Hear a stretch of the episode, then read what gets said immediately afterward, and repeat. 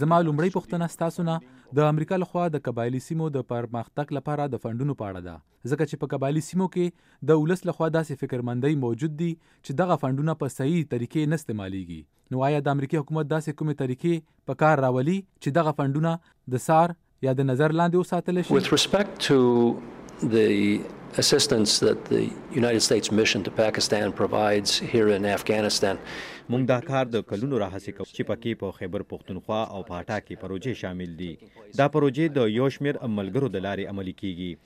چې پکې د پاکستان حکومت یو دی ملګری ملتونه او د ملګری ملتونو اتحادي ادارې یعنی حکومتي او غیر حکومتي تنظیمونه شامل دي په دغه پروګرامونو کې تعلیم صحت او اقتصادي پرمختګ شامل دی موږ په ګرد سیمه کې د هغه خلکو سره مرستې کوو چې د قدرتي افتونو لوجې به کور شوی وي او هغه میندو سره هم مرستې کوو چې د غذایت د کمی سره مخ وي په فاټا کې دغه پروژې چې یو ایس ایډ یې د پاکستاني چارواکو په مرسته چلوي دا د فاټا سیکرټریټ او د فاټا ډیولپمنټ اتارټي سره په ګډه کار کوي چې عام ولس ته ضروري سهولتونه رسیدل یقیني کړي په دې کې موږ د یادو دوو ادارو چارواکو ته تربیه تکنیکی مرستې او آلې ورکوو چې مقصد یې د رابطو یو اوږدمهاله نظام جوړول دي او دغه ټولې پروژې د فاټا او پاکستان ولس ته فایدې رسوي امریکايي ادارې چې په بشري پرمختګ او امنیتي مرستو باندې کار کوي د څارنې یو اوږد پروګرام لري او زه به دا خبره په ګوته کړم چې داسې پنځه ایجنسۍ دي چې پکې یو ایس ایډ یوه د آفس آف انټرنیشنل نارکاټیک اینډ لا انفورسمنټ دویمه د ډیفنس ریپریزنټیټیوز ان پاکستان دریمه د پبلک افیرز سیکشن یقینا څلورمه او پنځمه ایجنسی د کډوالو او مهاجرو لپاره دفتر دی د یو اس ایډ په اړه دا د درېیمې ډلې په مرسته د خپل پندونو د استعمال څارنه کوي او د دې نه علاوه یو اس ایډ داسې یو هاټ لاین یا د ټلیفون شمیرې لري او دغه هاټ لاین د نړۍ په یو شمیر هوادونو کې پر ځای دی خو کم چې په پاکستان کې دی هغه د ترانسپیرنسي انټرنیشنل په مرسته تنظیم شوی او د ده هاټ لاین په انټرنیټ او ټیلیفون دواړو باندې رابطې کیدی شي او مونږ خلکو ته وایو چې فایده ترې واخلي.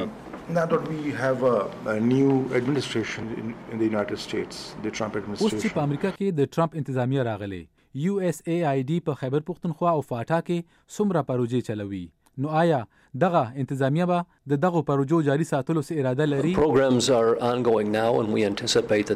په فاټا او خېبر پښتونخوا کې پروګرامونه روان دي او د راتلونکي کلونو لپاره به هم روان وي. په نږدو کې چې څه روان دي په هغې به خبره وکړم. د کال دوه زره شپاړس په جنورۍ کې امریکا د پاکستان سره د هغه خلکو څوک چې د پوځي عملیاتو له وجې بې کوره شوي د بحالۍ لپاره نږدې د دوه نیم سوه میلیونه ډالرو مرستو ژمنې کړې وې. د مثال په توګه یو سیټ د یو ان ډي پی سره په ګډه درې سوه سرکاري سکولونه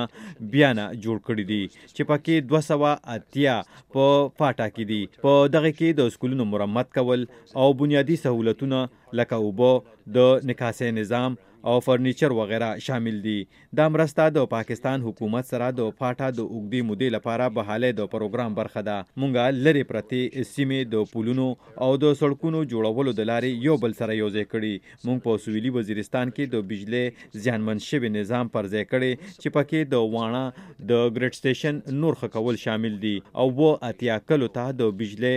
سپلایي بحاله کول هم پکې شامل دي. په خیبر پښتونخوا کې مونږ یوازې په ملکنډ ډیویژن کې یو سل شل هغه سکولونه مرمت کړي کم چې د ترهګرو لخوا تباه کړی شوي وو چې ورسره نږدې څلور دېرش زره طالب علمانو ته بیا نه د زده کړې موقع ملو شوې چې پکې درې پنځوس فیصده جینکې دي او دغه بیا نه جوړ کړی شوي سکولونه د یو ښه معیار دي چې د زلزلې مقابله هم کولی شي مونږ مندا او امنداړ کم چې د کال 2010 په سیلاب کې تباه شیو د بیا نه رغونې لپاره فنډ ورکړي چې ورسره په صوابه او مردان ضلعه کې و دیرس زره ایکړه ځمکه اوبه کولو نظام بیا نه پرځای شوی د دې نه علاوه آی ان او هم په دې سیمه کې ډیر فعال دی هغوی په پوله درې دېرش چیک پوسټو لپاره لس میلیونه ډالر ورکړي چې پکې څلور پنځوس دفاعي اډاڼې او په پاک افغان پوله د اېف سي پنځه کپنو مرکزونه شامل دي. آیینو د څوارلس اعشاریه یو میلیونه ډالر د سړکونو یوې پروژې لپاره هم فنډ ورکړی، کومه پروژه چې تېر کال پوره شوې. د دې نه علاوه په خېبر پښتونخوا کې آیینو د پنځویشت پولیس سټېشنو د بیا نوي کولو لپاره هم فنډونه ورکړي. دا پروګرامونه روان دي او زه فکر کوم چې دا به تر ډېرې مودې پورې هم دغه شانت روان وي. Different US governments or administration have been very kind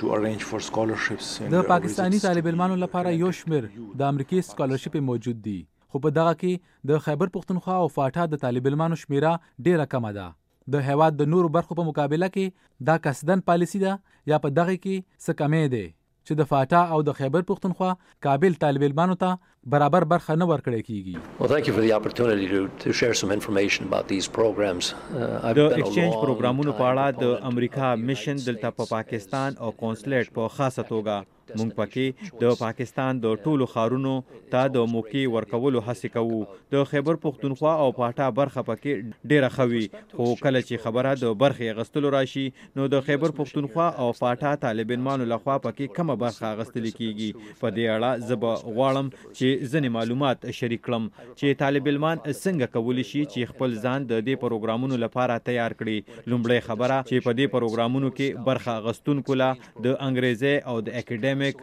یو اوږد ریکارډ لرل پکار دی د هر یو سکالرشپ لپاره که هغه هغه فولبرایټ وی یا بل کوم وړلا د کلونو تیاریانې پکار وی په دی پروګرامونو کی برخه اغستونکو لا پکار دی چی خپل پلان واضح کړی لکه هغوی د دی پروګرام نه څه ګټی پورته کول غواړی او کله چی هغوی خپل وطن ته د دغه پروګرامون نه واپس راشی نو څنګه به یې کاروي د دې پروګرامونو لپاره مرکو او ایسیز یا مضمونونو کې طالب علمانو لا د ځان نه اندازې نه دي لګول پکار چې مرکه کوونکي به ترې څه پوښتي د دې نه علاوه د یو شمېر سکالرشپو په خاصه توګه د پاټا او خیبر پښتونخوا طالب علمانو لپاره دي چې یو مثال یې د یو ایس ایډ هغه سکالرشپ دی چې پکې طالب علمان د پېښور یونیورسټۍ د انجینرینګ ډیپارټمنټ څخه د امریکا اریزونا سټیټ یونیورسټۍ ته په سکالرشیپ باندې بوتلي کیږي او دا مهال څلور دېرش طالب علمان او درې استادان په دغه ایکسچینج پروګرام باندې امریکا ته تللي. په دې لړ کې کونسلیټ د امریکا اکیډیمک او ایکسچینج پروګرامونو په اړه معلومات په خپل سوشل میډیا پاڼه باندې خپروي.